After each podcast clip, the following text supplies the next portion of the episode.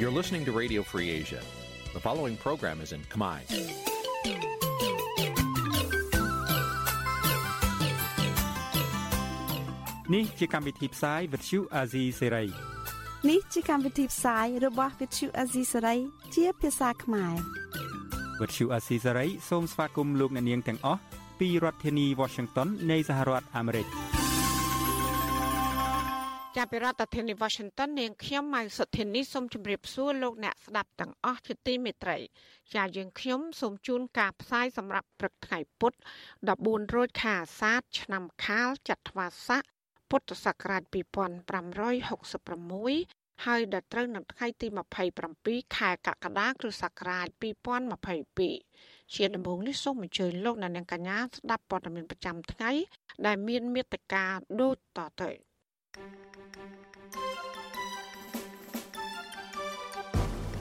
អ្នកខ្លំមើលថាកម្ពុជាទំនងមិនស្ដារប្រជាធិបតេយ្យឡើងវិញទោះបីទទួលរងការដាក់ទណ្ឌកម្មបន្តពីអាមេរិកក្តី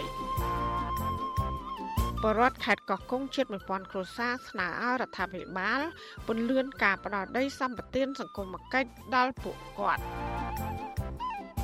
ក្រសួងមហាផ្ទៃស្នើទៅរដ្ឋាភិបាលរៀបចំសេចក្តីព្រាងច្បាប់ ស្តីពីការគ្រប់គ្រងសារធាតុគីមីផ្សំយុវជនបរិស្ថាននិងសង្គមស៊ីវិលជំរុញដល់រដ្ឋាភិបាលឲ្យបើកឱកាសដល់ពួកគេអាចចូលរួមការពារព្រៃឈើរួមនឹងព័ត៌មានសំខាន់សំខាន់មួយចំនួនទៀតចាត់ជាបន្តទៅទៀតនេះនាងខ្ញុំម៉ៅសុធានីសូមជូនព័ត៌មានទាំងនោះពឺស្ដាប់ លោកនានីជាទីមេត្រីក្រុមអ្នកខ្លំមើលលើកឡើងថាកម្ពុជា ទំនងមិនអាចបោះបង់ប្រទេសចិនកុម្មុយនីសហើយងាកមកស្ដារប្រជាធិបតេយ្យនិងការគ្រប់សិទ្ធិមនុស្សឡើងវិញបានឡើយការលើកឡើងនេះធ្វើឡើងនៅបន្ទាប់ពីគណៈកម្មាធិការទំនាក់ទំនងបរទេសប្រតិភិអាមេរិកថ្មីថ្មីនេះបានសម្រេចបញ្ជូនសេចក្តីស្នើច្បាប់ប្រជាធិបតេយ្យនិងសិទ្ធិមនុស្សកម្ពុជា ឆ្នាំ2022ទៅប្រតិភិពេញអង្គដើម្បីអនុម័ត ហើយដែលច្បាប់នេះអាចមានការដាក់ទណ្ឌកម្មបន្ថែមលើក្រមមន្ត្រីពាក់ព័ន្ធក្នុងជួររដ្ឋាភិបាលឯកបៈដែលចូលរួមបំផ្លាញប្រជាធិបតេយ្យនិងការរំលោភសិទ្ធិមនុស្សធ្ងន់ធ្ងរនៅកម្ពុជាចាសសេចក្តីរាយការណ៍ពីស្ដាមពីរឿងនេះលោកដានៀងនឹងបានស្ដាប់នាពេលបន្តិចទៀតនេះ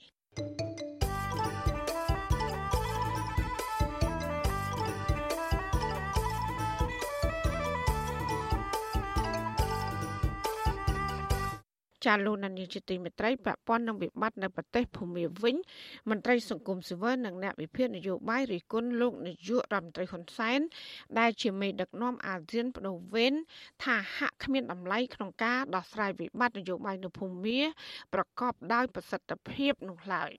ជាប្រតិកម្មនេះធ្វើឡើងនៅបន្ទាប់ពីរបបសឹកភូមាបានប្រហារជីវិត សកម្មជននយោបាយចំនួន4នាក់កាលពីថ្ងៃទី25ខែកក្កដា ចាប់ពីរដ្ឋធានី Washington លោកមានរដ្ឋាភិការព័ត៌មាននេះមន្ត្រីសង្គមស៊ីវិលនិងអ្នកវិភាគនយោបាយលើកឡើងថាប៉ះសិនបើកម្ពុជា ក្នុងនាមជាប្រធានបដូវវេនអាស៊ាន មានវិធានការតឹងរឹងជាមួយរបបសឹកភូមាតាំងពីដំបូងមកនោះម្លេះសំរបបសឹកភូមានឹងមិនហ៊ានកាត់ទោសប្រហារជីវិតអ្នកទោសនយោបាយតាមអំពើចិត្តបែបនេះឡើយរបបសឹកភូមាបានប្រកាសពីការប្រហារជីវិតអ្នកទោសនយោបាយចំនួន4នាក់កាលពីថ្ងៃទី25ខែកក្កដា ភ្លាមភ្លាមក្រោយពីការប្រកាសកាត់ទោសប្រហារជីវិតនេះសហគមន៍អន្តរជាតិរដ្ឋាភិបាលនានានៅជុំវិញពិភពលោកនិងបណ្ដាប្រទេសសមាជិកអាស៊ាន បានចេញសេចក្តីថ្លែងការណ៍ថ្កោលទោសរបបសឹកភូមាជុំទិសកម្ពុជាក្នុងនាមជាប្រធានបដូវវេនអាស៊ាន កាលពីថ្ងៃទី25ខែកក្កដាក៏បានចេញនូវសេចក្តីថ្លែងការណ៍បរិហាទង្វើប្រហារជីវិតនេះដោយប្រើភាសាធ្ងន់ធ្ងរថាការអនុវត្តទោសប្រហារជីវិត តែមួយសប្តាហ៍នៅមុនកិច្ចប្រជុំថ្នាក់រដ្ឋមន្ត្រីការបរទេសអាស៊ានលើកទី55គឺជាទង្វើមិនអាចអត់ឱនឲ្យបានធ្ងន់ធ្ងរណាស់អាស៊ានអំពាវនាវយ៉ាងខ្លាំងក្លានិងជាបន្ទាន់ដល់ភាគីទាំងអស់ឲ្យជៀសវាងនៅសកម្មភាពទាំងឡាយណា ដែលធ្វើឲ្យវិបត្តិនៅមីយ៉ាន់ម៉ាកាន់តែធ្លាក់ចុះដុនដាបរារាំងដល់ការសន្ទនាដោយសន្តិវិធីក្នុងចំណោមភាគីពាក់ព័ន្ធទាំងអស់និងបង្កគ្រោះថ្នាក់ដល់សន្តិភាព សន្តិសុខនិងស្ថិរភាពទាំងនៅមីយ៉ាន់ម៉ានិងនៅក្នុងតំបន់ទាំងមូលប្រធានសហព័ន្ធសហជីពកម្ពុជា លោករងឈុនលើកឡើងថាការកាត់ទោសប្រហារជីវិតលើអ្នកទោសនយោបាយទាំង4នាក់ដោយរបបសឹកភូមិនៅពេលនេះបង្ហាញថាកម្ពុជា បានបរាជ័យនៅក្នុងការដើរតួនាទីជាប្រធានអាស៊ាន ដើម្បីដោះស្រាយវិបត្តិនយោបាយនិងអំពើហិង្សាទៅលើសកម្មជននយោបាយនិងបាតកោនៅភូមាកន្លងមក លោកយល់ថាកម្ពុជាគួរប្រកាន់ជំហរជាក់លាក់ក្នុងការថ្កោលទោសរបបសឹកភូមាហើយមិនត្រូវបន្តបង្ហាញនូវភាពទន់ភ្លន់ជាមួយរបបសឹកនេះស្របតាមបណ្ដាប្រទេសកុម្មុយនីសចិននិងរុស្ស៊ីឡើយកម្ពុជាយើងដែលជាប្រធានអាស៊ានចាំទាំងហ្នឹងទៅប្រកាន់ចំហមួយជាក់លាក់ច្បាស់លាស់ជៀសវាងធ្វើថាអនលំទោនសម្របសម្រួលពេកឲ្យខុស ទៅនឹងថាគោលការណ៍ប្រជាធិបតេយ្យហើយបង្ហាញការទៅគ្រប់គ្រងថារបបផ្ដាច់ការអានឹងយើងមិនទៅឲ្យកើតមានទេហើយត្រូវទទួលយកនៅគេថាមតិយោបល់ដែលប្រទេសជាសមាជិកអាស៊ានដែលបានលើកឡើងផ្ដល់យោបល់ជូនបាទ រីឯអ្នកជំនាញផ្នែកវិជាសាស្ត្រនយោបាយនិងកិច្ចការអន្តរជាតិលោកអែមសវណ្ណារាវិញលោកលើកឡើងថាដើម្បីឲ្យរបបសឹកភូមាមានភាពទន់ភ្លន់និងងាកមកគោរពតាមកិច្ចព្រមព្រៀង5ចំណុចដែលអាស៊ានបានដាក់ចេញកាលពីពេលកន្លងមកអាស៊ានគួរធ្វើឲ្យកម្លាំងនយោបាយនៃរបបសឹកភូមានិងរដ្ឋាភិបាលរួបរวมជាតិភូមាហៅកាត់ថា NUG មានភាពប្រហាក់ប្រហែលគ្នាជាមុនសិនតាមរយៈការកាត់បន្ថយនៅទំនាក់ទំនងការទូតជាមួយរបបសឹកភូមានិងបន្ថយនៅឥទ្ធិពលរបស់ចិននិងរុស្ស៊ីដែលតែងតែផ្ដល់ការគាំទ្រដល់របបសឹកកន្លងមកហើយបង្កើននៅទំនាក់ទំនងការទូតជាមួយរដ្ឋាភិបាលរួបរวมជាតិភូមាលោកបានថែមថាទោះតិចឬច្រើនការប្រហារជីវិតលើអ្នកទស្សនយោបាយទាំង4នាក់នេះបានបង្ហាញពីភាពទន់ខ្សោយរបស់ស្ថាប័នអាស៊ានខណៈកម្ពុជាគឺជាប្រធានបដូវវេនអាស៊ាន យើងនិយាយជារួមបញ្ហារបស់អាស៊ានទាំងមូលតែកម្ពុជាជានយោបាយជាអ្នកនាំមុខមួយហើយជាអ្នកធ្វើក្រៅមួយសំខាន់ណាប៉ុន្តែនៅពេលដែលកម្ពុជាជាប្រធានអាស៊ានមិនអាចដោះស្រាយបញ្ហានេះបានបានន័យថាតម្លៃនៃការដើរតួនាទីនយោបាយកម្ពុជាក្នុងការដោះស្រាយវិវាទឬក៏ទំនាស់នៅក្នុងតំបន់ហ្នឹងតម្លៃរបស់កម្ពុជាយើងក៏ធ្លាក់ចុះដែរ វិសុវអាស៊ីស្រីមិនអាចតាក់ទងแนะនាំពាក្យក្រសួងការបរទេសកម្ពុជា លោកជុំសន្ទ្រីដើម្បីសូមអត្ថាធិប្បាយបន្ថែមអំពីរឿងនេះបាននៅឡើយទេ នៅថ្ងៃទី26ខែកក្កដាដោយទូរស័ព្ទចូលច្រើនដង តែគ្មានអ្នកទទួល លោកហ៊ុនសែនគឺជាមេដឹកនាំដំបូងគេបង្អស់នៅក្នុងពិភពលោកដែលបានទៅបំពេញទស្សនកិច្ចនៅប្រទេសមីយ៉ាន់ម៉ាកាលពីខែមករាកន្លងទៅ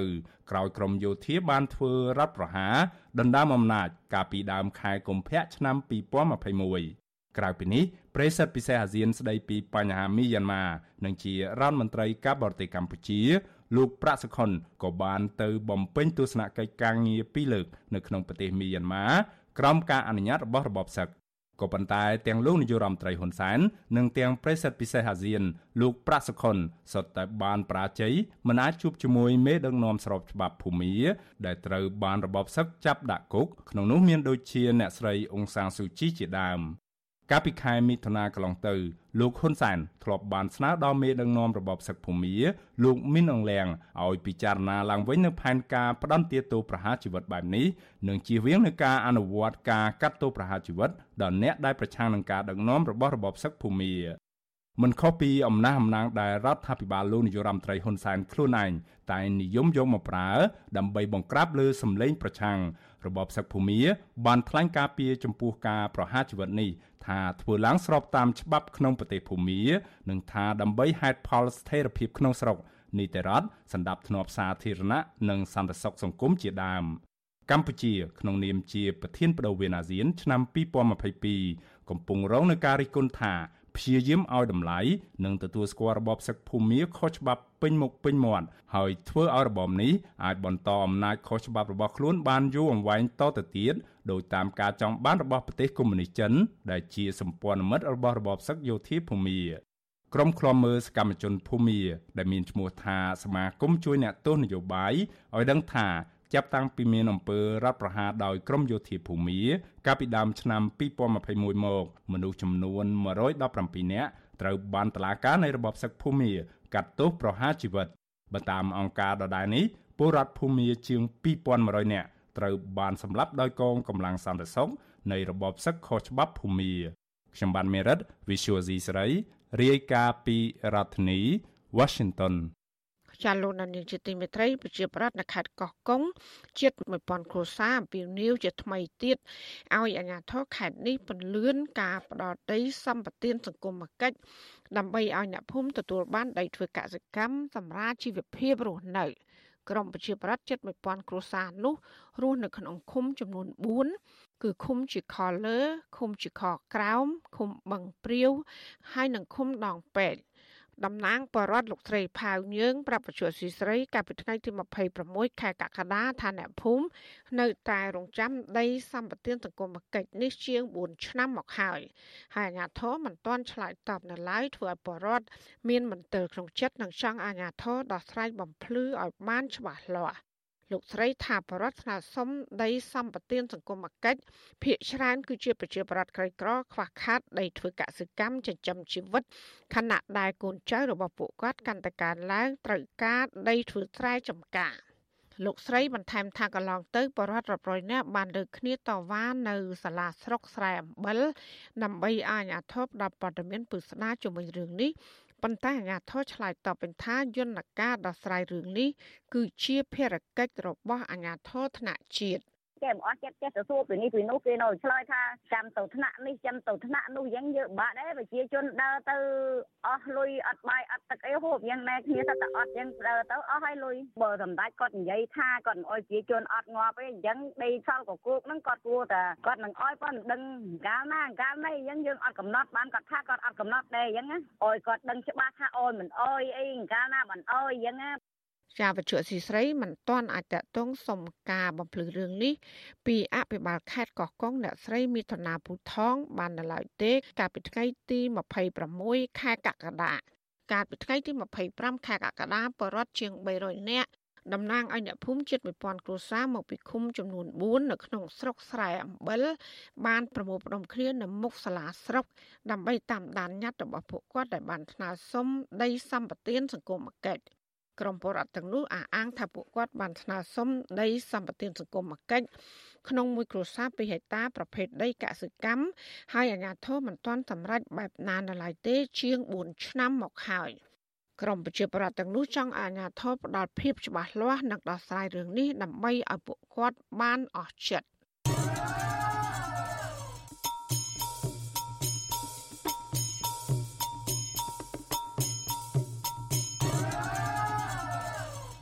ចាលោកនាងកញ្ញាកំពុងស្ដាប់ការផ្សាយរបស់វិទ្យុអសីស្រីផ្សាយចេញពីរដ្ឋធានី Washington ជាពាក់ព័ន្ធនឹងការកាប់ព្រៃឈើវិញពជាសហគមន៍ការពីព្រៃឡង់ខេត្តព្រះវិហារប្រទះឃើញរទេះក្របីនិងគោយន្តជាច្រើនគ្រឿងបានដឹកជញ្ជូនឈើហូបធំធំចេញពីដែនចម្រុកសត្វព្រៃឡង់និងតម្រង់ចូលការដ្ឋានក្រុមហ៊ុនវៀតណាម PNT ការលើកឡើងនេះក្រោយដែលពួកគាត់បានលបចុះល្បាតព្រៃជាថ្មីទៀតនិងបានរកឃើញកម្មករជាច្រើនអ្នកបានបោះតង់នៅក្នុងព្រៃ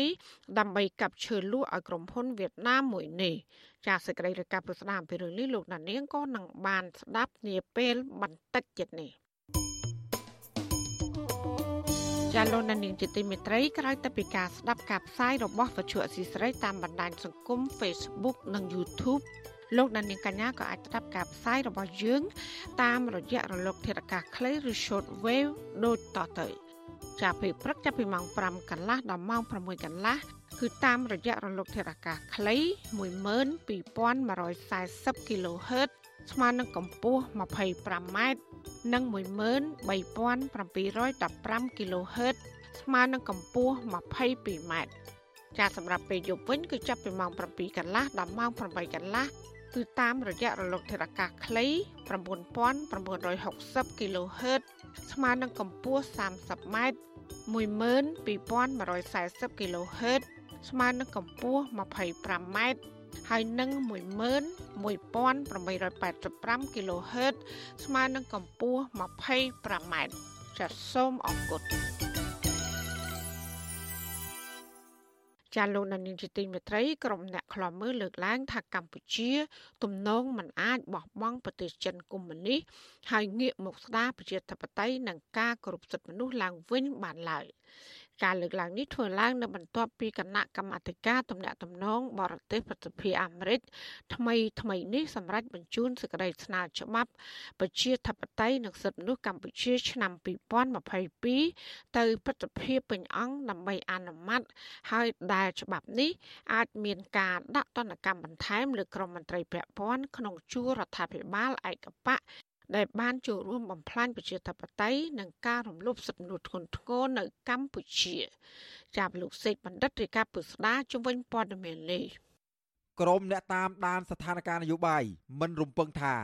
ដ្ឋាភិបាលឯកបៈរបស់លោកហ៊ុនសែនប្រកាន់ជំហរនយោបាយអព្យាក្រឹតដោយមិនបន្តអោបក្រសោបចិននិងចាប់ផ្ដើមស្ដារលទ្ធិប្រជាធិបតេយ្យឡើងវិញបើទោះបីជាសហរដ្ឋអាមេរិកបន្តធ្វើច្បាប់ដាក់សម្ពាធដល់រដ្ឋាភិបាលលោកហ៊ុនសែន ឲ្យគិតគូរស្ដារប្រជាធិបតេយ្យនិងគោរពសិទ្ធិមនុស្សឡើងវិញក្តីទោះបីយ៉ាងណា ពួកគេជឿជាក់ថា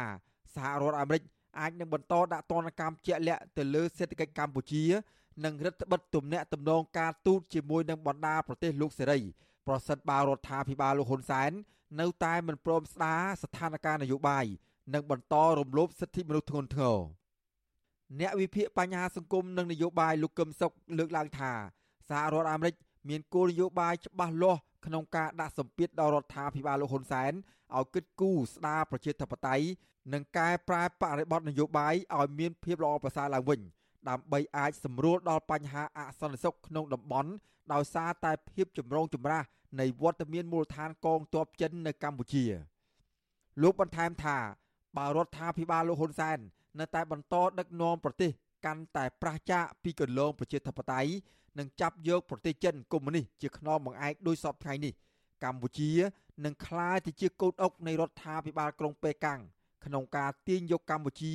ឲ្យគ្រប់គ្រងប្រព័ន្ធដឹកនាំប្រទេសតាមបែបផ្ដាច់ការ។ ហើយខ្ញុំមើលឃើញថាដោយសារតែសហរដ្ឋអាមេរិកដឹងច្បាស់ណាស់ថាក្រមលោកហ៊ុនសែននៅជាមួយចិននៅជាមួយរុស្ស៊ីអាចคล้ายទៅជាគូតអុកនៃសម្ព័ន្ធភាពចិនរុស្ស៊ីក្នុងពេលបច្ចុប្បន្នដូច្នេះហើយទើបសហរដ្ឋអាមេរិកមិនមែនត្រឹមតែបង្ហាញនៅជំហរនយោបាយការទូតរបស់អ្នកការទូតអាមេរិកទេប៉ុន្តែប្រតិសភាអាមេរិកក៏នឹងបន្តជំរុញច្បាប់ដោយដែលយើងឃើញចឹង S3052 ហ្នឹងក្នុងការផ្ដល់លទ្ធភាពកាន់តែច្រើនដល់រដ្ឋាភិបាលអាមេរិកដើម្បីធ្វើការ គៀបសង្កត់ទៅដល់ពួកមន្ត្រីដែលមានអំណាចស៊ីជម្រៅនៅក្នុងរដ្ឋាភិបាលលោកហ៊ុនសែនពាក់ព័ន្ធទៅនឹងការរំលោភសិទ្ធិមនុស្សរហូតទៅដល់គេបារម្ភអំពីការរីករាលដាលនៃការជ្រៀតចូលកម្លាំងនយោបាយអនុត្តរភាពរបស់ចិននិងរុស្ស៊ីលើការដឹកនាំរបស់ក្រមលោកហ៊ុនសែនថ្មីថ្មីនេះគណៈកម្មាធិការទំនាក់ទំនងបរទេសប្រសិទ្ធិអាមេរិកសម្រាប់បញ្ជូនសេចក្តីស្នើច្បាប់ប្រជាធិបតេយ្យនិងសិទ្ធិមនុស្សកម្ពុជា ឆ្នាំ2022 ទៅព្រឹទ្ធសភាពេញអង្គដើម្បីអនុម័តសេចក្តីស្នើច្បាប់នេះមានគោលដៅស្ដារសិទ្ធិមនុស្សនិងលទ្ធិប្រជាធិបតេយ្យនៅកម្ពុជាឡើងវិញតាមរយៈការតម្រូវឲ្យដាក់ទណ្ឌកម្មជាក់លាក់ទៅលើមន្ត្រីជាន់ខ្ពស់នៃរដ្ឋាភិបាលលោកហ៊ុនសែនដែលពាក់ព័ន្ធនឹងការរំលាយប្រជាធិបតេយ្យនិងរំលោភសិទ្ធិមនុស្សធ្ងន់ធ្ងរនៅកម្ពុជាទណ្ឌកម្មជាក់លាក់នេះមានដូចជា ការបង្កកទ្រព្យសម្បត្តិការរឹតបន្តឹងទិដ្ឋាការមិនឲ្យមន្ត្រីកម្ពុជាជន់ទឹកដីអាមេរិកជាដើម។ សេចក្តីស្នើច្បាប់នេះក៏តម្រូវឲ្យរដ្ឋាភិបាលសហរដ្ឋអាមេរិកតាមដាននៅសកម្មភាពនានារបស់កងទ័ពរំដោះប្រជាជនចិននៃរដ្ឋាភិបាលចិននៅកម្ពុជា ជាពិសេសនៅតំបន់កំពង់ផែកងទ័ពជើងទឹករៀមនៅខេត្តប្រសេនុនិងតំបន់តារាសាគរនៅក្នុងខេត្តកោះកុង តកតទៅនឹងបញ្ហានេះវិទ្យុអសីសេរីនៅពុំទាន់អាចតកតងសុំការអធិប្បាយពីប្រធានអង្គភិបអ្នកណែនាំពាក្យរដ្ឋាភិបាលលោកផៃស៊ីផាននិងអ្នកនាំពាក្យគណៈបកប្រជាជនកម្ពុជាលោកសុកអេសានបាននៅឡើយទេ នៅថ្ងៃទី26ខែកក្កដាប៉ុន្តែថ្មីថ្មីនេះព្រឹទ្ធសភាឯកបកបានចេញសេចក្តីថ្លែងការណ៍ដោយបញ្ចេញប្រតិកម្មលើសេចក្តីស្នើច្បាប់របស់ព្រឹទ្ធសភាអាមេរិកនេះថាពឹងផ្អែកលើប្រភពព័ត៌មានមិនច្បាស់លាស់ ជាពិសេសប្រភពរបស់អង្គការឃ្លាំមើលសិទ្ធិមនុស្សដែលមានចរិតលំអៀងនិងបាត់បង់ទំនុកចិត្តតាំងពីឆ្នាំ2004មកប្រសិទ្ធភាពកម្ពុជាថាសេចក្តីស្នើច្បាប់របស់ប្រសិទ្ធភាពអាមេរិកនេះផ្ទុយពីស្មារតីនិងបំណងប្រាថ្នារួមរបស់ប្រទេសទាំងពីរដែលបានកសាងទំនាក់ទំនងល្អការលើកកម្ពស់មិត្តភាពនិងកិច្ចសហប្រតិបត្តិការឲ្យកាន់តែល្អប្រសើរជុំវិញរឿងនេះអ្នកជំនាញវិទ្យាសាស្ត្រនយោបាយនិងកិច្ចការអន្តរជាតិ លោកអែមសវណ្ណារាលើកឡើងថាសេចក្តីស្នើច្បាប់របស់គណៈកម្មាធិការទំនាក់ទំនងបរទេសប្រសិទ្ធិអាមេរិកគឺជារឿងប្រសើរសម្រាប់ប្រជាពលរដ្ឋកម្ពុជា ដើម្បីជំរុញឲ្យគណៈបកកណ្ដាលអំណាចរបស់លោកហ៊ុនសែនដើរតាមគន្លងប្រជាធិបតេយ្យនិងមានការគោរពសិទ្ធិមនុស្សដោយដែលមានចែងនៅក្នុងច្បាប់រដ្ឋធម្មនុញ្ញកម្ពុជាលោកបន្តថាបើសេចក្តីស្នើច្បាប់របស់គណៈកម្មាធិការតំណាក់តំណងបរទេសប្រសិទ្ធិអាមេរិក និងច្បាប់ស្តីពីប្រជាធិបតេយ្យនៅឆ្នាំ2021ឬ HR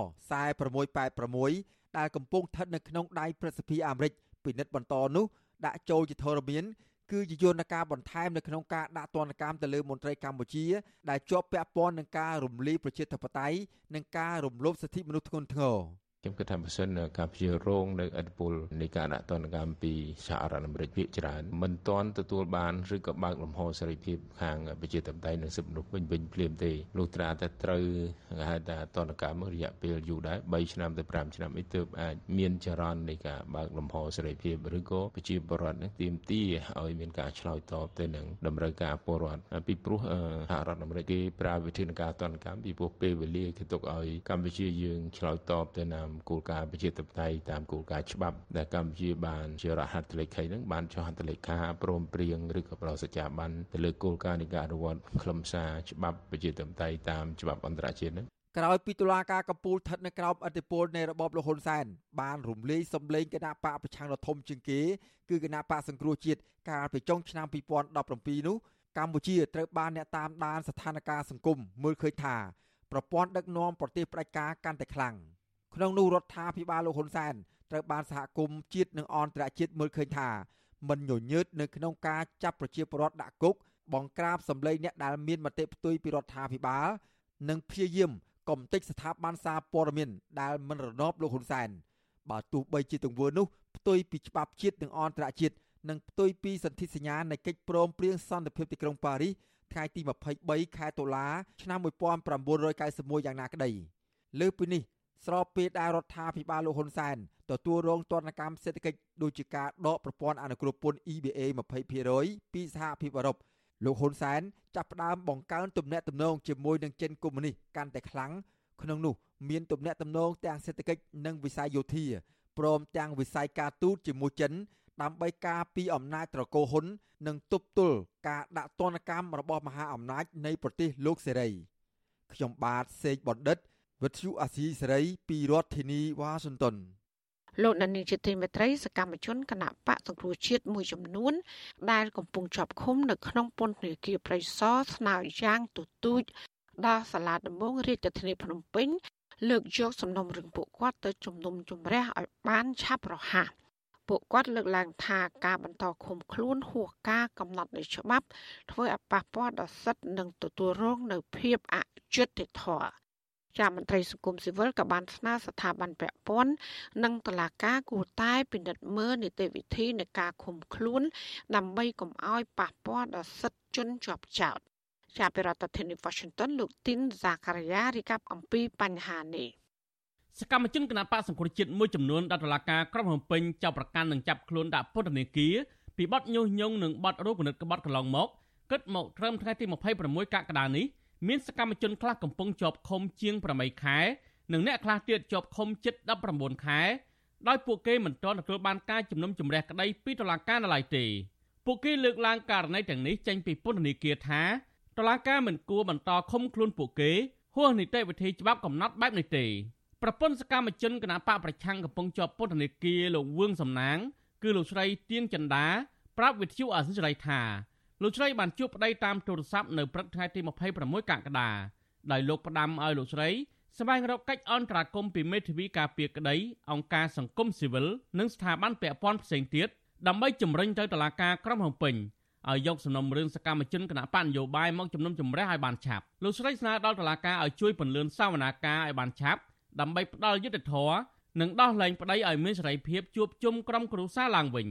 ពីព្រោះការបញ្ចេញមតិកន្លងមក គឺជាការប្រប្រាស់សិទ្ធតែប៉ុណ្ណោះមិនមែនជាទោសកំហុសអ្វីនោះឡើយតាំងពីមុនចូលឆ្នាំខ្មែរមកទល់ឥឡូវហ្នឹងគឺស្ងាត់អត់មានបានឡើងសោះនិយាយរួមទៅអត់មានសកម្មភាពអីហ្មងអំពីលាទៅខាងតុលាការសូមអត់ពន្លឿនឲ្យមានសកម្មភាពបើថាត្រូវកាត់ទោសថាប្រហែលឆ្នាំឲ្យកាត់ឲ្យហើយហើយឬក៏អត់មានទោសអីទេក៏សូមដោះលែងគាត់ឲ្យមានសេរីភាពវិញមកប្រហាក់ប្រហែលគ្នាដែរប្រពន្ធមន្ត្រីគណៈបកប្រឆាំងកំពុងជាប់ពន្ធនាគារប្រៃសណម្នាក់ទៀតគឺលោកកុងម៉ាស់ គឺលោកស្រីកុលសាទលើកឡើងដែរថា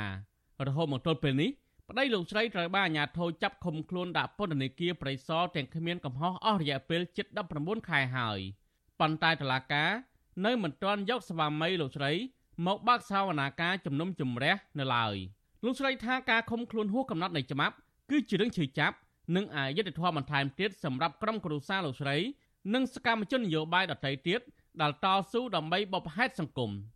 រឿងនេះវាអយុត្តិធម៌សម្រាប់គ្រួសារខ្ញុំស្នើទៅតុលាការឲ្យឆាប់ខៅមកកាត់ក្តីមកហើយក៏ដូចជាសូមឲ្យអង្គការជាតិក៏ដូចជាអង្គការសង្គមស៊ីវិលឬអន្តរជាតិអីឲ្យគេជួយឃ្លាំមើលនិងតាមដានរឿងរបស់គាត់ផងព្រោះអីការឃុំខ្លួនរបស់គាត់នឹងគឺវាវាហួសហេតុវាយូរពេកហើយរហូតមកដល់ពេលនេះមានសកម្មជនគណបកសង្គ្រោះជាតិជិត10នាក់កំពុងជាប់ឃុំក្នុងពន្ធនាគារដែលរងចាំការជំនុំជម្រះក្តីពីតុលាការពាក់ព័ន្ធនឹងបទញុះញង់ បទរួមគំនិតក្បត់និងបទប្រមាថថ្នាក់ដឹកនាំរដ្ឋាភិបាលក្នុងនោះសកម្មជនខ្លះត្រូវបានតុលាការឃុំខ្លួនលើសការកំណត់និងខ្លះទៀតជិតហួសការកំណត់នៃច្បាប់អ្នកទាំងនោះរួមមានលោកកុងម៉ាស់លោកខាន់ប៊ុនផេងនិងសកម្មជនមួយចំនួនទៀតកំពុងជាប់ពន្ធនាគារអស់រយៈពេលជាង18ខែក្នុងសំណុំរឿងរួមគំនិតក្បត់ទន្ទឹមនឹងនេះសកម្មជន4នាក់ទៀតដែលអាជ្ញាធរថៃចាប់បញ្ជូនឲ្យអាជ្ញាធរខ្មែរកាលពីចុងឆ្នាំ2021រួមមានលោកវឿងសំណាង លោកវឿនវាសនាហៅក្រញូងប្រៃឡង់ដែលតុលាការចាប់ប្រកាន់ពីបទរួមគណិតក្បត់និងញុះញង់ហើយអ្នកស្រីឡាញ់ថាវរីតុលាការចាប់ប្រកាន់ពីបទញុះញង់និងលោកមិចហៀងពីបទប្រមាថថ្នាក់ដឹកនាំរដ្ឋាភិបាលជាដើមពួកគេកំពុងជាប់ពន្ធនាគារអស់រយៈពេលជាង8ខែមកហើយវិទ្យុអាស៊ីសេរីមិនអាចតាក់ទងអ្នកនាំពាក្យតុលាការក្រុងភ្នំពេញលោកអេរិនដើម្បីសំសួរបញ្ជាក់អំពីបញ្ហានេះបានទេនៅថ្ងៃទី26កក្កដា តាក់ទងនឹងរឿងនេះអ្នកនាំពាក្យសមាគមការពារសិទ្ធិមនុស្សអាត់ហុកលោកសឹងសានករណាមានប្រសាសន៍ថាបើសិនជាការឃុំខ្លួនសកម្មជនទាំងនោះហួសនីតិវិធីកំណត់នៃច្បាប់គឺជាការរំលោភបំពានសិទ្ធិរបស់ជនជាប់ចោតដល់ស្ថាប័នពាក់ព័ន្ធនិងតុលាការត្រូវពិនិត្យមើលឲ្យបានច្បាស់លាស់ឡើងវិញលោកយល់ថាករណីនេះជនជាប់ចោតអាចពិភាក្សាផ្នែកច្បាប់ជាមួយមេធាវីការពារក្តីរបស់ពួកគាត់ដើម្បីស្នើទៅតុលាការឲ្យលើកយកសំណុំរឿងរបស់ពួកគេមកជំនុំជម្រះឲ្យបានឆាប់ បើសិនជាមានករណីឃុំលើសនីតិវិធីនឹងមែនវាជាការរំលោភទៅលើសិទ្ធិរបស់ពួកគាត់ហើយអញ្ចឹងករណីទាំងអស់នេះគួរគប្បីស្ថាប័នពាក់ព័ន្ធក៏ដូចជាខាងតុលាការនឹងពិនិត្យមើលឲ្យមានភាពច្បាស់លាស់ដើម្បីអនុវត្តច្បាប់នឹងឲ្យមានការគោរពទៅលើសិទ្ធិរបស់ពួកគាត់ផងមាត្រា209នៃក្រមនីតិវិធីប្រមត្តនចែងថាធរៈវេលានៃការឃុំខ្លួនបណ្ដោះអាសន្នចំពោះនិតិជនដែលត្រូវចាប់ប្រកាន់ពីបទមជ្ឈិម មិនអាចលើសពី4ខែបានទេប៉ុន្តែនៅពេលផុតធរៈវេលានេះចៅក្រមស៊ើបសួរអាចពន្យាពេលការឃុំខ្លួនបណ្ដោះអាសន្នបានតែម្ដងគត់មិនឲ្យលើសពី2ខែដោយដែលការមានសំអាងហេតុត្រឹមត្រូវនិងច្បាស់លាស់ធរៈវេលានៃការឃុំខ្លួននេះមិនត្រូវលើសពីពាក់កណ្ដាលនៃទោសអបបរមាដែលច្បាប់បានកំណត់នោះឡើយតែបើកាលណាឃុំខ្លួនលើសគឺជាការឃុំខ្លួនខុសច្បាប់ចំណែកនិតិជនដែលត្រូវចោទប្រកាន់ពីបទអក្រិតវិញ រយៈពេលឃុំខ្លួនគឺ6ខែចៅក្រមស៊ើបសួរអាចពន្យាពេលការឃុំខ្លួនបណ្ដោះអាសន្នបានតែ2ខែគត់និងម្ដងបានចំនួន6ខែដោយដោយការមានសំអាងហេតុត្រឹមត្រូវនិងច្បាស់លាស់មកទល់ពេលនេះមានសកម្មជនគណបកប្រឆាំងជាង60នាក់ហើយកំពុងជាប់ឃុំក្នុងពន្ធនាគារដោយសារតែការអនុវត្តសិទ្ធិនយោបាយរបស់ពួកគាត់ពួកគេភ័យច្រើនត្រូវបានអាជ្ញាធរចាប់ឃុំខ្លួនជាបន្តបន្ទាប់កាលពីដើមឆ្នាំ2020តុលាការបានចោទប្រកាន់ពួកគេដូចដូចគ្នា គឺបទរួមគំនិតក្បត់ញុះញង់ឲ្យយោធិនមិនស្ដាប់បង្គាប់និងញុះញង់ឲ្យប្រព្រឹត្តបទអក្រិតជាអាតមកទល់ពេលនេះសកម្មជនគណបកប្រឆាំងមួយចំនួនជាប់ឃុំ3ឆ្នាំនិងខ្លះទៀត2ឆ្នាំហើយប៉ុន្តែក្នុងចំណោមអ្នកទាំងនោះមួយចំនួនគឺតឡាការពុំទាន់យកទៅជំនុំជម្រះក្តីដល់ឡើយទេក្រុមអង្គការជាតិអន្តរជាតិជាច្រើនស្ថាប័នរួមទាំងទីភ្នាក់ងារអង្គការសហប្រជាជាតិនិងក្រុមប្រទេសប្រជាធិបតេយ្យធំធំថ្កោលទោសរដ្ឋាភិបាលលហ៊ុនសែនជាបន្តបន្ទាប់ដោយចាត់ទុកថាការចាប់ខ្លួនទាំងនេះ គឺជារឿងនយោបាយគ្មានមូលដ្ឋានច្បាប់និងបន្តទៀមទាឲ្យដោះលែងសមាជិកបកប្រឆាំងនិងអ្នកជាប់ឃុំដោយសារមូលហេតុនយោបាយឲ្យមានសេរីភាពឡើងវិញដោយឥតលក្ខខណ្ឌខ្ញុំទីនសាការីយ៉ាអស៊ីសេរីប្រធានីវ៉ាស៊ីនតោន ចាលោកនានីជាទីមេត្រីតកតងនឹងអ្នកជាប់ឃុំនេះដែរមន្ត្រីសិទ្ធិមនុស្សស្វាគមន៍ក្រសួងមហាផ្ទៃដែលអនុញ្ញាតឲ្យអ្នកជាប់ឃុំចិត្តរួចផុតទោសអាចអនុវត្តទោសនៅក្រៅពន្ធនាគារនិងគម្រោងអ្នកជាប់ទោសស្រាលស្រាលអាចអនុវត្តទោសនៅក្នុងសហគមន៍ការលើកឡើងបែបនេះ គឺធ្វើឡើងនៅបន្ទាប់ពីក្រសួងមហាផ្ទៃអនុញ្ញាតឲ្យអ្នកជាប់ឃុំជិតរួចផុតទោសចំនួន17នាក់អាចអនុវត្តទោសនៅក្រៅពន្ធនាគារចាសសូមស្ដាប់សេចក្តីរាយការណ៍របស់លោកយុនសាមៀនជុំវិញបញ្ហានេះមន្ត្រីអង្គការសង្គមស៊ីវិលលើកឡើងថាបើក្រសួងមហាផ្ទៃមានឆន្ទៈពិត ក្នុងការអនុញ្ញាតឲ្យអ្នកជាប់ឃុំចិត្តរួចទោសអាចនៅក្រៅឃុំនិងមានគម្រោងឲ្យអ្នកជាប់ទោសស្រាលស្រាល អាចអនុវត្តទោសនៅក្នុងសហគមន៍បាន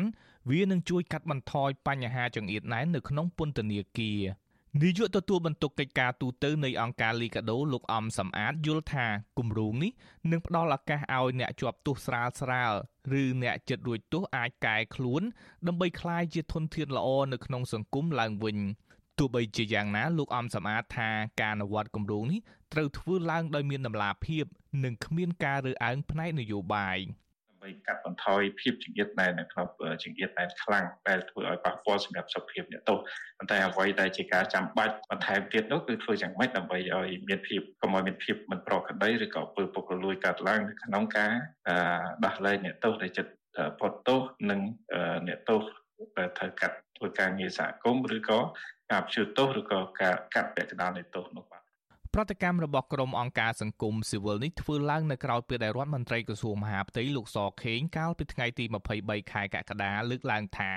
បើយន្តការអនុញ្ញាតឲ្យអ្នកជាប់ឃុំចិត្តរួចទោសអាចអនុវត្តទោសនៅក្រៅពន្ធនាគារនេះមានដំណើរការល្អ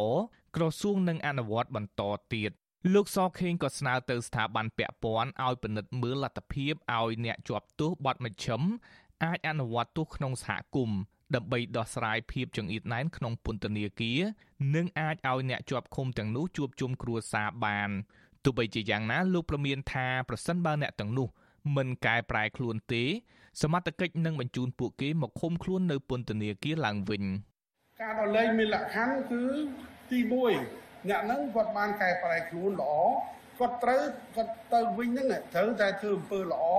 កែប្រែខ្លួនតទៅទៀតតែបើប្រព្រឹត្តបទល្មើសតទៀតចាប់យកមកវិញមានករណីមួយទៀតដែលនៅក្នុងច្បាប់របស់យើងគឺក្រមព្រហ្មទណ្ឌនិយាយពីរឿងទោសសហគមន៍ទោសសហគមន៍នេះគឺចង់និយាយចេះអ្នកដែលប្រព្រឹត្តបទល្មើសលើស្រាហ្នឹងតឡាការកាត់ហើយអត់យកទៅដាក់ឃុំខ្លួននៅពន្ធនាគារទេគឺយកមកដាក់នៅផ្ទះវិញនៅនៅភូមិនឹងវិញគិតមកទល់ពេលនេះមានអ្នកជាប់ឃុំចិត្តរួចទោស ដែលមានទោសសល់ក្រោម6ខែចំនួន17នាក់ត្រូវបានពន្ធនាគារអនុញ្ញាតឲ្យអនុវត្តទោសនៅក្រៅពន្ធនាគារដោយមានភ្ជាប់លក្ខខណ្ឌការប្រកាសដោះស្រាយភាពចង្អៀតណែននៅក្នុងពន្ធនាគាររបស់រដ្ឋមន្ត្រីក្រសួងមហាផ្ទៃលោកសខេងនៅពេលនេះកើតឡើងក្រោយពេលអ្នករាយការណ៍ពិសេសនៃអង្គការសហប្រជាជាតិនិងអង្គការសង្គមស៊ីវិលនានា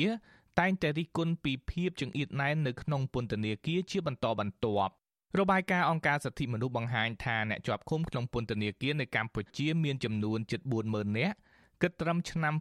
2020ប៉ុន្តែពន្ធនាគារអាចផ្ទុកអ្នកជាប់ឃុំត្រឹមជាងពាក់កណ្ដាលនៃចំនួនអ្នកទោសតែប៉ុណ្ណោះ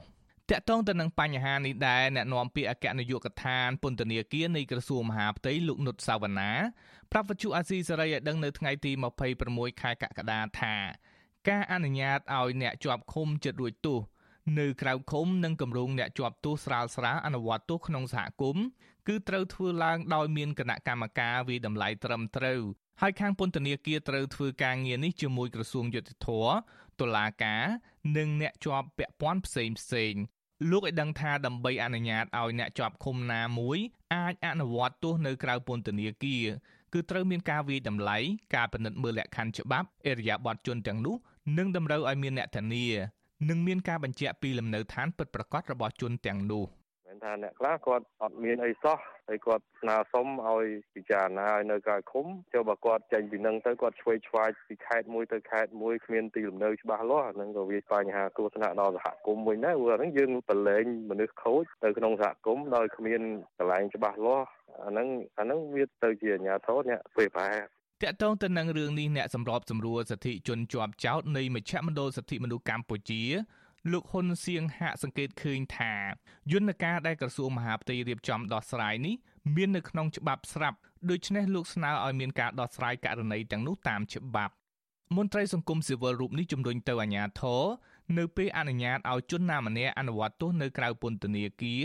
ត្រូវផ្សព្វផ្សាយឲ្យពលរដ្ឋក្នុងសហគមន៍បានដឹង ជៀសវាងការបារម្ភឬការភ័ន្តច្រឡំបាទសង្គមស៊ីវិលយើងនឹងពិនិត្យធ្វើការសង្កេតមើលទៅលើដំណើរការនៃការអនុវត្តដែលជារឿងថ្មីមួយដែលប៉ុន្តែវាជារឿងដែលមានចែងក្នុងច្បាប់ដែរអញ្ចឹងណាហើយតាក់ទងទៅលើដំណើរការនៃការអនុវត្តហ្នឹងហើយ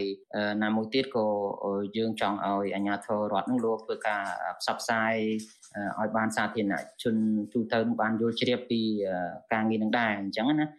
តកតងការដោះស្រាយភាពចង្អៀតណែននៅក្នុងពន្ធនាគារនេះដែរកាលពីឆ្នាំ2021រដ្ឋាភិបាលបានដាក់ចេញនូវគោលការណ៍មួយចំនួនដូចជា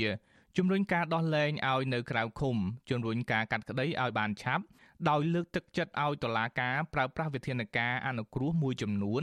ជាពិសេសការព្យួរទោសដើម្បីពន្លឿនចំណាត់ការនីតិវិធី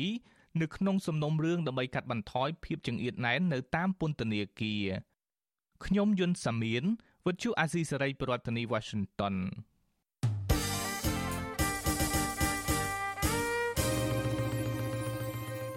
ចាលោកនានីជាទីមេត្រីក្រសួងមហាផ្ទៃស្នើទៅរដ្ឋាភិបាលឲ្យតាក់តែងសេចក្តីព្រៀងច្បាប់ថ្មី ស្តីពីការគ្រប់គ្រងសារធាតុគីមីផ្សំ ដែលនាំចូលកម្ពុជា ដើម្បីទប់ស្កាត់ ការលួចកែច្នៃសារធាតុគីមីផ្សំទាំងនោះទៅជាគ្រឿងញៀន ការស្នើសុំរបស់រដ្ឋមន្ត្រីក្រសួងមហាផ្ទៃលោកសខេងធ្វើឡើងក្រោយពីមានការកើនឡើងយ៉ាងគំហុកនៃក្រុមជនល្មើសជនជាតិចិន ដែលបាននាំចូលសារធាតុគីមីផ្សំរាប់រយតោនសម្រាប់ផលិតគ្រឿងញៀនថ្លែងកពិសប្តាហ៍មុនក្នុងពិធីសម្ពោធដាក់ប្រើប្រាស់ជាផ្លូវការអគារសិក្សា ហើយនិងសមិទ្ធផលនានានៅស្រុកអង្គស្នួរខេត្តកណ្ដាលលោកសខេងគូសបញ្ជាក់ថា គោលបំណងសំខាន់នៃច្បាប់ថ្មីស្តីពីការគ្រប់គ្រងសារធាតុគីមីផ្សំនេះគឺគ្រប់គ្រងចរាចរណ៍សារធាតុផ្សំដែលបាននាំចូលទាំងនោះ ដើម្បីធានាដល់ការប្រើប្រាស់តាមរោងចក្រឬក៏ប្រើប្រាស់ឲ្យបានត្រឹមត្រូវជៀសវាងការប្រើប្រាស់សារធាតុគីមីទាំងនោះ សម្រាប់ផ្សំជាគ្រឿងញៀន។ គេហទំព័រអគ្គស្នងការដ្ឋាននគរបាលបានឲ្យដឹង កាលពីថ្ងៃទី13ខែកក្កដាថាអាញាធរបានចាប់ខ្លួនជនសង្ស័យដែលជាជនជាតិចិនចំនួន11នាក់បន្ថែមទៀតដោយបានរឹបអូសគ្រឿងញៀនជិត2តោនហើយសារធាតុគីមីផ្សំជាគ្រឿងញៀនចំនួន276តោនផ្សេងទៀត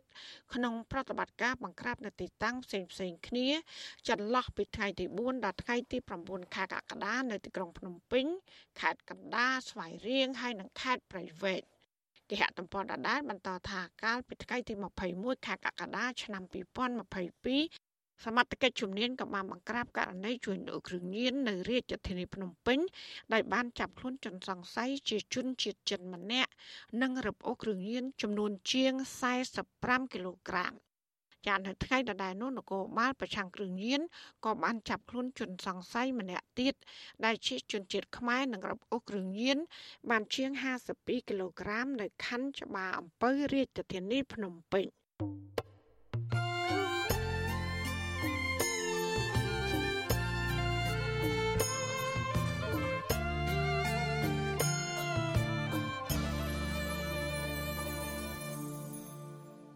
ចាលោកណានីជាទីមេត្រីយុវជនបរិស្ថាននិងសង្គមស៊ីវិលជំរុញដល់រដ្ឋាភិបាលបើកឱកាសដល់យុវជន ហើយនិងសហគមន៍ចូលរួមការពារប្រៃឈើកម្ពុជាដែលនៅសេសសល់ពួកគេយល់ឃើញថាបើគ្មានការចូលរួមពីយុវជននិងសហគមន៍នោះទេប្រៃឈើកាន់តែបាត់បង់បន្ថែមទៀតចាមន្ត្រីសង្គមស៊ីវិលក៏បានស្នើដល់រដ្ឋាភិបាលត្រូវបើកចំហសិទ្ធិសេរីភាពដល់យុវជននិងសហគមន៍មូលដ្ឋាន ដើម្បីឲ្យពួកគេអាចចូលរួមល្បាតព្រៃនិងបញ្ឈប់ការលាបពណ៌យុវជន ពីនិន្នាការនយោបាយចាននេះគឺជាសកម្មភាពរបស់លោកសនចន្ទរដ្ឋាជំវិញព័ត៌មាននេះយុវជនមានការផុសផុលក្នុងការចូលរួមការពារធនធានធម្មជាតិនិងជំរុញឲ្យរដ្ឋាភិបាលនិងអាជ្ញាធរពាក់ព័ន្ធអនុវត្តគោលនយោបាយមានស្រាប់ដោយបើកចំហសិទ្ធិសេរីភាពដល់យុវជននៅក្នុងការចូលរួមការពារព្រៃឈើដោយមិនមានការលាបពណ៌ផ្នែកនយោបាយ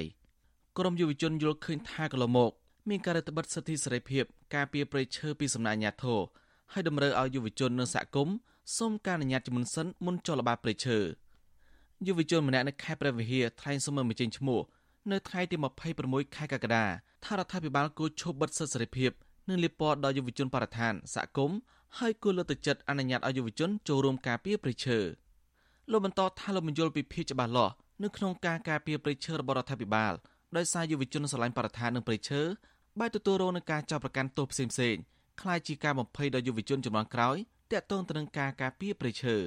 បើសិនជារដ្ឋាភិបាលគាត់មានឆន្ទៈក្នុងការការពារប្រៃឈើពិតមែនគាត់ត្រូវតែបើកសិទ្ធិសេរីភាពឲ្យសហគមន៍យុវជននៅក្នុងកិច្ចការងារបរិស្ថាននឹងពុំមែនគាត់កាំងកាត់ឬក្តាប់កិច្ចការពារហ្នឹងតែឯងទៅគ្រប់គ្រងទេតែបើសិនជាគាត់ក្តាប់យកតែឯងគាត់មានលទ្ធភាពការពារប្រៃឲ្យបានដែរវាអត់អញ្ញាទេតែស្ថានភាពប្រៃឈើបាត់នោះប្រៃឈើនៅតែកើតមានតែគាត់ទី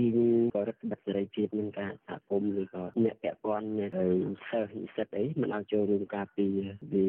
ដូចជានៅទៅវាមានអារម្មណ៍ថាតើអាកិច្ចការពារហ្នឹងគាត់ការពារដើម្បីអ្វីនៅចំណុចហ្នឹងដែលយើងជឿថាយើងមិនអាចទទួលយកបានពីសហគមន៍ឬក៏ហើយសិស្សនិស្សិតឯមួយចំនួនដែលគាត់ឆ្លាញ់នឹងចង់ការពារព្រៃឈើ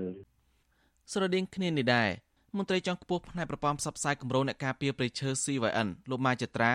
ថ្លែងថាលោកយល់ចំពោះការបើកចំហសិទ្ធិសេរីភាពរបស់យុវជននិងសង្គមស៊ីវិលដោយសារកន្លងមករដ្ឋាភិបាលបានរដ្ឋបិទសិទ្ធិសេរីភាពរបស់យុវជននិងសហគមន៍មូលដ្ឋានមិនឲ្យល្បាតព្រៃ លោកបន្តថាការរដ្ឋបិទសិទ្ធិនេះធ្វើកាន់តែបាត់បង់ព្រៃឈើខ្លាំងហើយគ្មានផលចំណេញអ្វីចំពោះប្រទេសជាតិទេលោកលើកឡើងថាបលល្មើសព្រៃឈើមានការកើនឡើងប៉ុន្តែការបង្ក្រាបបលល្មើសព្រៃឈើហាក់មិនមានសភាពច្រើនដោយការកាប់បំផ្លាញនោះទេ ពេលដែលពួកគាត់រៀបរៀងអញ្ចឹងវាធ្វើឲ្យអាការបាត់បង់ព្រៃឈើហ្នឹងកាន់តែបាត់បង់ខ្លាំងទៅខ្លាំងទៅពីមួយថ្ងៃទៅមួយថ្ងៃហើយអីដែលជា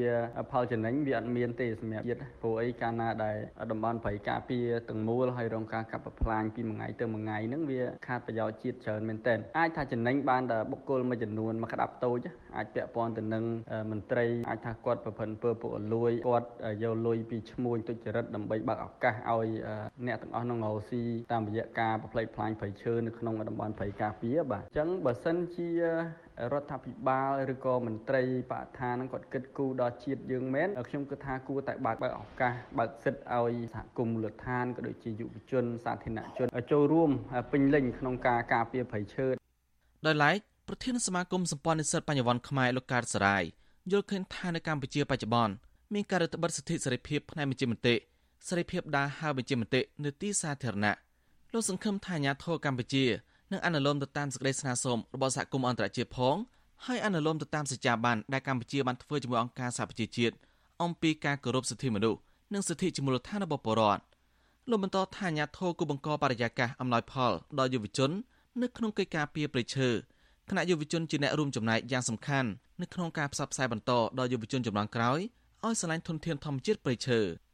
ខ្ញុំតែងតែសង្កេតឃើញថាអាញាធរកម្ពុជាតែងតែទទូចបញ្ជាក់ឲ្យយុវជនបរិស្ថានក្តីយុវជនសង្គមដែលគាត់ធ្វើរឿងផ្សេងផ្សេងក្តីឲ្យមានការដាក់លិខិតសុំការអនុញ្ញាតប៉ុន្តែបើយើងទៅមើលលើច្បាប់មើលលើបទដ្ឋាន វាអត់មានច្បាប់ណាមួយដែលចែងឲ្យយុវជនសកម្មជនដែលគ្រាន់តែសម្ដែងមតិទៅលើរឿងបរិស្ថាន ធ្វើអីទៅលើរឿងបរិស្ថានហ្នឹងគឺត្រូវសុំការអនុញ្ញាតទេអាចទ្រាំតែធ្វើជាសេចក្តីជូនដំណឹងជាសាធារណៈតាមបណ្ដាញសង្គមឬក៏ផ្សព្វផ្សាយតាមប្រព័ន្ធសារព័ត៌មានណាមួយតែប៉ុណ្ណឹងការលើកឡើងរបស់ភាគីរដ្ឋាភិបាលនឹងវាអត់ឆ្លុះបញ្ចាំងពីកតិយុត្តនៅក្នុងប្រទេសកម្ពុជា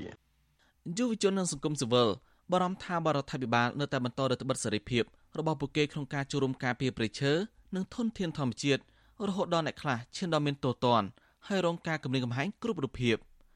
កលមអាញាធរបានហាមឃាត់ ហើយចាប់សកម្មជនការពារព្រៃឈើ3នាក់ដាក់ពន្ធនាគារពី5ឆ្នាំទៅ6ឆ្នាំពីបទផ្ដាំកំណត់ញុយញងឲ្យបរិកាប់រុករៀនដីព្រៃធ្វើជាកម្មសិនក្នុងនោះមានសកម្មជនការពារព្រៃឈើលោកស៊ីថាន់ញ៉ាញ់លោកខំម៉ាសូកដាក់ពន្ធនាគារ5ឆ្នាំតែសម្រាប់ឲ្យនៅក្រៅឃុំចំណែកលោកឆនផល្លាដែលកំពុងជាប់ឃុំក្នុងពន្ធនាគារនៅវិញតុលាការកាត់ទោសជាប់ពន្ធនាគារ6ឆ្នាំលោកឆនផល្លាបានចំណាយពេលជាង10ឆ្នាំចងក្រងឯកសារពាក់ព័ន្ធទៅនឹងការកាប់បំផ្លាញព្រៃឈើ ហើយដាក់ពាក្យបណ្ដឹងបរិហាអញ្ញាធរដែលមិនមកពេញទុននីតិការពារប្រឈើនិងដីធ្លីសកម្មជនរូបនេះបែរត្រូវអញ្ញាធរមូលដ្ឋានព្រួតវីដំលើរាងកាយបង្ខំបណ្ដកពាក្យបណ្ដឹងវិញហើយអញ្ញាធរទៅនោះថែមទាំងដាក់ពាក្យបណ្ដឹងទៅលោកឈុំផល្លាវិញទៀតផងវិទ្យុអេស៊ីសេរីមិនទាន់អាចតកតងแนะនាំពាក្យក្រសួងបរិស្ថានលោកនៃភេត្រាដើម្បីសូមអធិប្បាយពីរឿងនេះបានទេ នៅថ្ងៃទី26កក្កដាដោយទូរស័ព្ទចូលគ្មានអ្នកទទួលជុំវិញរឿងនេះ អ្នកសម្របសម្រួលផ្នែកខ្លំមើលការរំលោភសិទ្ធិមនុស្សនៃអង្គការលីកាដូលអិនកុនចិនយល់ថាយុវជនចូលរួមការពារធនធានធម្មជាតិគឺជាដំកតិខ្ពង់ខ្ពស់គួរឲ្យគោរពដោយសារប្រកបបានចំណាយពេលវេលាផ្ទាល់ខ្លួននៅក្នុងបុព្វហេតុជាតិលោកបន្តថាកម្ពុជាមានច្បាប់និងគោលនយោបាយនៅក្នុងការលើកទឹកចិត្តឲ្យប្រជាពលរដ្ឋចូលរួមដាំដើមឈើនិងការពារព្រៃឈើក៏ប៉ុន្តែការអនុវត្តច្បាប់របស់មន្ត្រីមួយចំនួនហាក់រឹតបន្តឹងដល់ប្រជាពលរដ្ឋ គាត់លះបង់ពេលវេលាលះបង់ធម៌ពល ដើម្បីចូលរួមការពារធនធានធម្មជាតិទប់ស្កាត់បទល្មើសព្រៃឈើនៅមូលដ្ឋានហ្នឹងគឺជាការលះបង់កបដោយឧត្តមគតិខ្ពង់ខ្ពស់ដូច្នេះមន្ត្រីអាជ្ញាធរឬមន្ត្រីជំនាញដូចជារដ្ឋបាលព្រៃឈើគួរតែ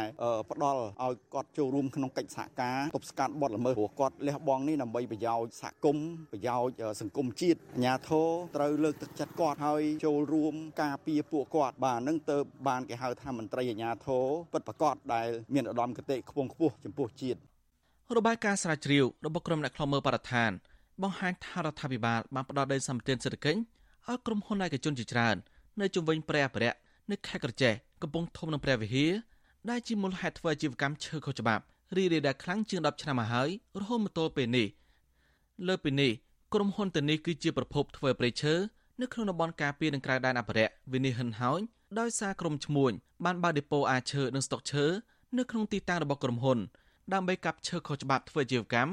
ដែលមានមន្ត្រីរដ្ឋបាលព្រៃឈើនិងមន្ត្រីបរិស្ថានមួយចំនួនបានខុបខិតជាមួយក្រុមហ៊ុនឯកជនទៅនេះដើម្បីទទួលបានផលប្រយោជន៍អ្នកខ្លមើព្រៃឈើរកឃើញថាក្រុមអញ្ញាមួយចំនួនជាឈ្មោះរស់ស៊ីឈើធំធំនិងជាមន្ត្រីចុងខ្ពស់រដ្ឋាភិបាលមិនត្រឹមតែគ្មានចំណាត់ការពីអាជ្ញាធរមានសមត្ថកិច្ចទេគឺរដ្ឋាភិបាលតែងតែជាមុខការពីអ្នកជួញឈើខុសច្បាប់របស់ក្រុមអង្គញា និងក្រុមហ៊ុនឯកជនមួយចំនួនរីឯវិធានការបង្ក្រាបបលល្មើសព្រៃឈើកន្លងទៅតតមានបបបញ្ជាពីនាយករដ្ឋមន្ត្រីហ៊ុនសែនទៅសមាជិកហ៊ានអនុវត្តច្បាប់កាលពីចុងខែសីហាឆ្នាំ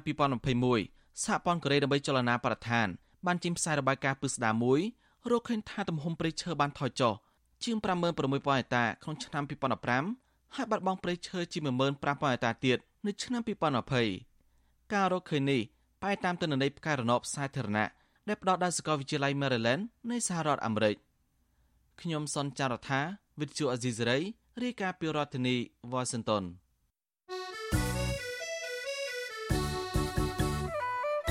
ចាលោកនាងជាទីមេត្រីក្នុងឱកាសនេះដែរនាងខ្ញុំសូមថ្លែងអំណរគុណដល់លោកនាងកញ្ញាដែលតែងតែមានភក្ដីភាពចំពោះការផ្សាយរបស់យើង ហើយចាត់ទុកការស្ដាប់វិទ្យុអសីស្រីជាផ្នែកមួយនៃសកម្មភាពប្រចាំថ្ងៃរបស់លោកអ្នក។ ចាការគ្រប់គ្រងរបស់លោកនាងនេះហើយដែលធ្វើយើងខ្ញុំមានទឹកចិត្តកាន់តែខ្លាំងបន្ថែមទៀតក្នុងការស្វែងរកនិងផ្តល់ព័ត៌មាន សម្រាប់ជូនលោកនាងចាំមានអ្នកស្ដាប់និងអ្នកទស្សនាកាន់តែច្រើនកាន់តែធ្វើឲ្យយើងខ្ញុំ មានភាពស្វាហាប់មោះមុតជាបន្តទៀតចាយើងខ្ញុំសូមអរគុណទុកជាមុនហើយក៏សូមអញ្ជើញលោកនាងកញ្ញាចូលរួមជំរុញសកម្មភាពផ្តល់ព័ត៌មានរបស់យើងនេះឲ្យកាន់តែបានជោគជ័យបន្ថែមទៀត។ ចាលោកដានៀងអាចជួយយើងខ្ញុំបានដោយគ្រាន់តែចុចចែករំលែកឬ share ការផ្សាយរបស់យើងខ្ញុំនៅលើបណ្ដាញសង្គម Facebook និង YouTube ទៅកាន់មិត្តភ័ក្តិរបស់លោកដានៀងដើម្បីឲ្យការផ្សាយរបស់យើង បានទៅដល់មនុស្សកាន់តែច្រើនចាសសូមអរគុណ ចាលោកដានៀងទីមេត្រីប្រជាសហគមន៍ការពីប្រៃឡង់នៅខេត្តប្រាវិហាប្រទះឃើញរទេះក្របីនិងគោយន្តជាច្រើនគ្រឿងប្រើប្រាស់សម្រាប់ដឹកជញ្ជូនឈើហូបធំធំ ចេញពីដែនចម្រុកសត្វប្រៃឡង់តម្រង់ចូលការដ្ឋានក្រុមហ៊ុនវៀតណាម PNT ការលើកឡើងនេះក្រោយពេលដែលពួកគាត់បានលបចុះល្បាតព្រៃជាថ្មីទៀតដោយរកឃើញថាកម្មករជាច្រើនអ្នកកំពុងបោះតង់នៅក្នុងព្រៃ ដើម្បីកាប់ឈើលក់ទៅឲ្យក្រុមហ៊ុនវៀតណាមមួយនេះចាអ្នកស្រីសុជីវីរាយការណ៍ពុស្ដាជំវិញព័ត៌មាននេះក្រុមស្នូលបណ្ដាញសហគមន៍ការពីប្រៃឡង់ខេត្តព្រះវិហារអះអាងថាក្រុមហ៊ុនវៀតណាម PNT និងក្រុមហ៊ុន Macro Logistics Cambodia កំពុងព្រួតដៃគ្នាធ្វើអាជីវកម្មឈើទ្រង់ទ្រាយធំ ចេញពីដែនជម្រកសត្វព្រៃឡង់ដោយប្រើប្រាស់រទេះក្របីជំនួសរថយន្តកែច្នៃដើម្បីងាយស្រួលប្រមូលឈើមកកាត់ធំធំ ចេញពីតំបន់អភិរក្សនេះនៅរដូវវស្សានេះពួកគាត់អះអាងថាក្នុងមួយថ្ងៃមួយថ្ងៃ មានរទេះក្របី12គ្រឿងនិងគោយន្តយ៉ាងហោចណាស់20គ្រឿងដឹកឈើចេញពីព្រៃឡង់ជាច្រើនម៉ែត្រគូបមកស្តុកទុកនៅក្នុងបរិវេណក្រុមហ៊ុនវៀតណាម PNT ស្ថិតនៅក្នុងឃុំរៀបរយស្រុករវៀង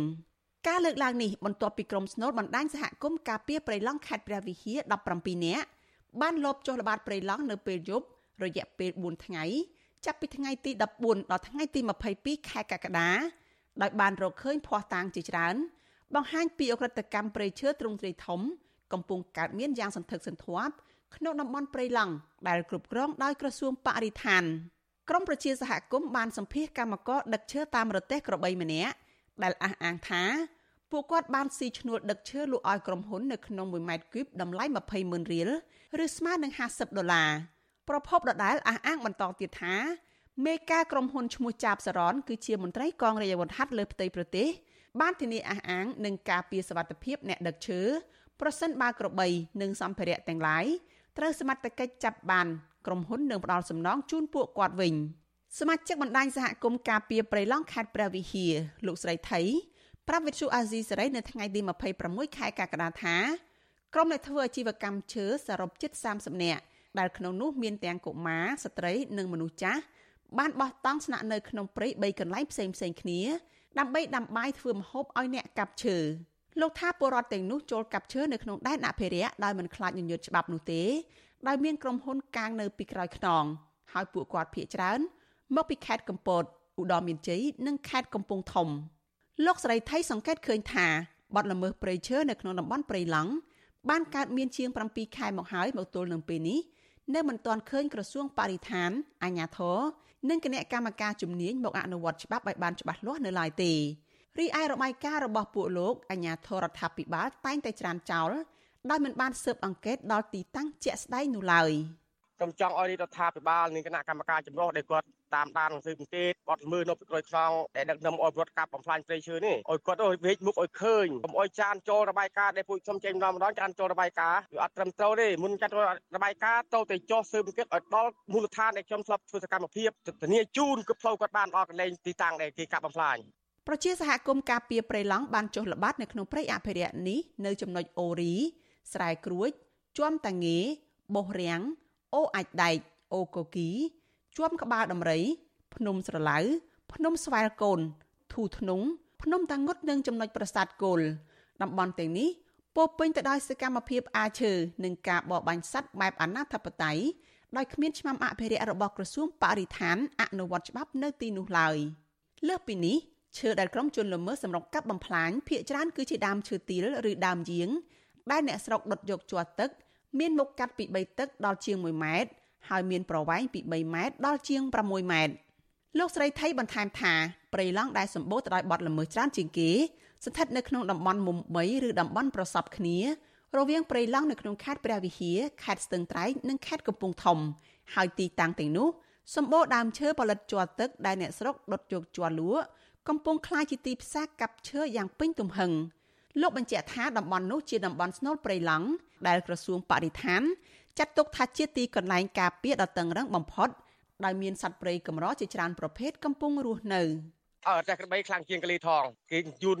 មួយថ្ងៃដល់ទិសដៅបើថាគូក្លេថងដេកផ្លូវពីយប់មកយប់អណ្ដល់ហើយគេដឹកពីព្រៃមកដាក់ក្នុងដេប៉ូដាក់មកដេប៉ូអានេះជាងព្រៃបៃឡង់ណាអានៅដេប៉ូគេនោះឯងគេតបទុកដេប៉ូរួចចាំឡានគេជួលមកយួរដេប៉ូនៅភ្នំស្រឡៅដែលខ្ញុំដាក់ភ្នំស្រឡៅនោះឯងដេប៉ូនៅត្រង់ឯងវិទ្យុអាស៊ីសេរីមិនអាចតាក់ទងសុំការបំភ្លឺរឿងនេះពីអ្នកនាំពាក្យក្រសួងបរិស្ថានលោកនេតភក្ត្រា និងរដ្ឋមន្ត្រីក្រសួងកសិកម្មលោកវែងសខុនបាននៅឡើយទេ នៅថ្ងៃទី27ខែកក្កដារីឯអភិបាលខេត្តព្រះវិហារលោកប្រាក់សវណ្ណនិងអ្នកនាំពាក្យគណៈកម្មការជាតិទប់ស្កាត់និងបង្ក្រាបបទល្មើសធនធានធម្មជាតិលោកអេងហ៊ីក៏វិទ្យុអាស៊ីសេរីមិនអាចតាក់ទងបានដែរនៅថ្ងៃដដែលនេះដោយទូរស័ព្ទហៅចូលតែគ្មានអ្នកលើករីឯតំណាងក្រុមហ៊ុនវៀតណាម PNT និងក្រុមហ៊ុន Macro Logistics Cambodia ក៏វិទ្យុអាស៊ីសេរីមិនអាចតាក់ទងសុំការបំភ្លឺបានដែរនៅថ្ងៃដដែលនេះចំណែកឯមន្ត្រីកងរាជអាវុធហត្ថលើផ្ទៃប្រទេសលោកចាប់សារ៉ាន់ដែលបរដ្ឋចោទថាជាមេការឲ្យក្រុមហ៊ុនវៀតណាម PNT ធ្លាប់បដិសេធថាលោកមិនពាក់ព័ន្ធនឹងអាជីវកម្មឈើទាំងនេះទេលោកអះអាងថាលោកមិនដែលស្គាល់ក្រុមហ៊ុនវៀតណាមនេះទេ ហើយក៏មិនដែលស្គាល់ព្រៃឡង់ដែរក្រុមហ៊ុន PNT ទទួលបានដីសម្បត្តិសេដ្ឋកិច្ចពីរដ្ឋាភិបាលទំហំជិត8000ហិកតា នៅស្រុករវៀងខេត្តព្រះវិហារកាលពីឆ្នាំ2010ក្រោមកិច្ចសន្យារយៈពេល70ឆ្នាំក្នុងកិច្ចសន្យាក្រុមហ៊ុននេះវិនិយោគដំណាំក្លឹមច័ន្ទចន្ទទី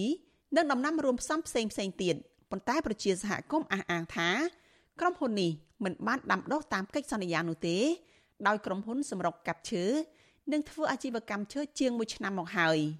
លើសពីនេះទៀតក្រុមហ៊ុនមានម៉ាស៊ីនអាជ្រៀកឈើខ្នាតធំ4គ្រឿង ស្ថិតនៅក្នុងស្រុករវៀងជាប់ព្រៃឡង់ខេត្តព្រះវិហារ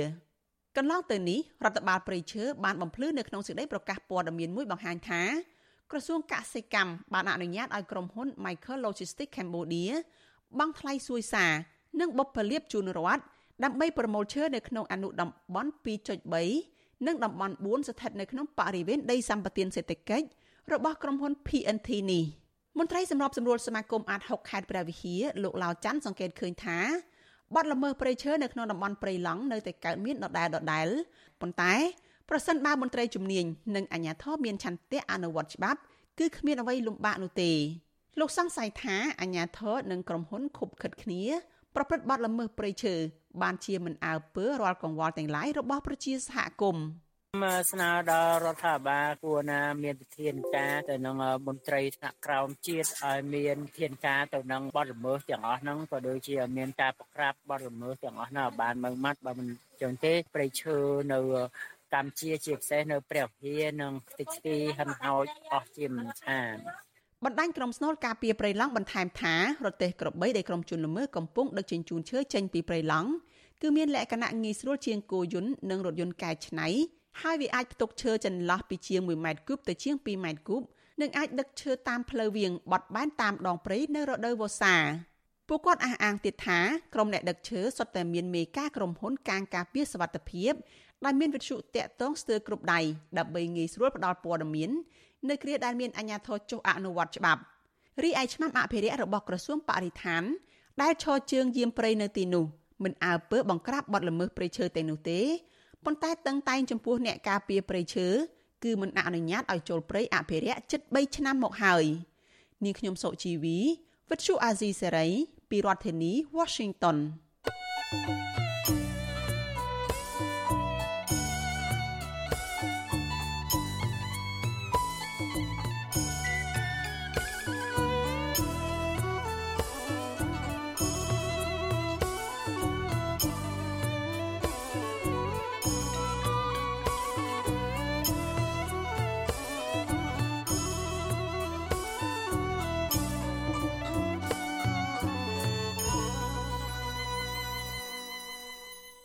ចាលោកលានកញ្ញាអ្នកស្ដាប់ជាទីមេត្រីការផ្សាយរយៈពេល1ម៉ោងរបស់វិទ្យុអាស៊ីស្រីជាភាសាខ្មែរនៅពេលនេះចាប់តែប៉ុណ្ណេះ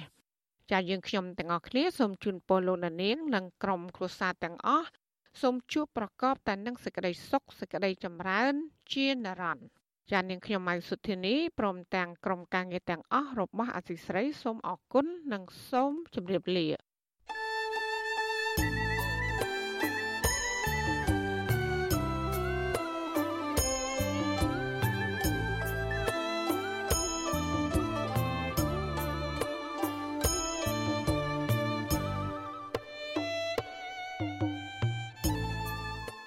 ទ្យុអាស៊ីសេរីផ្សាយតាមរលក ធាតុអាកាសខ្លី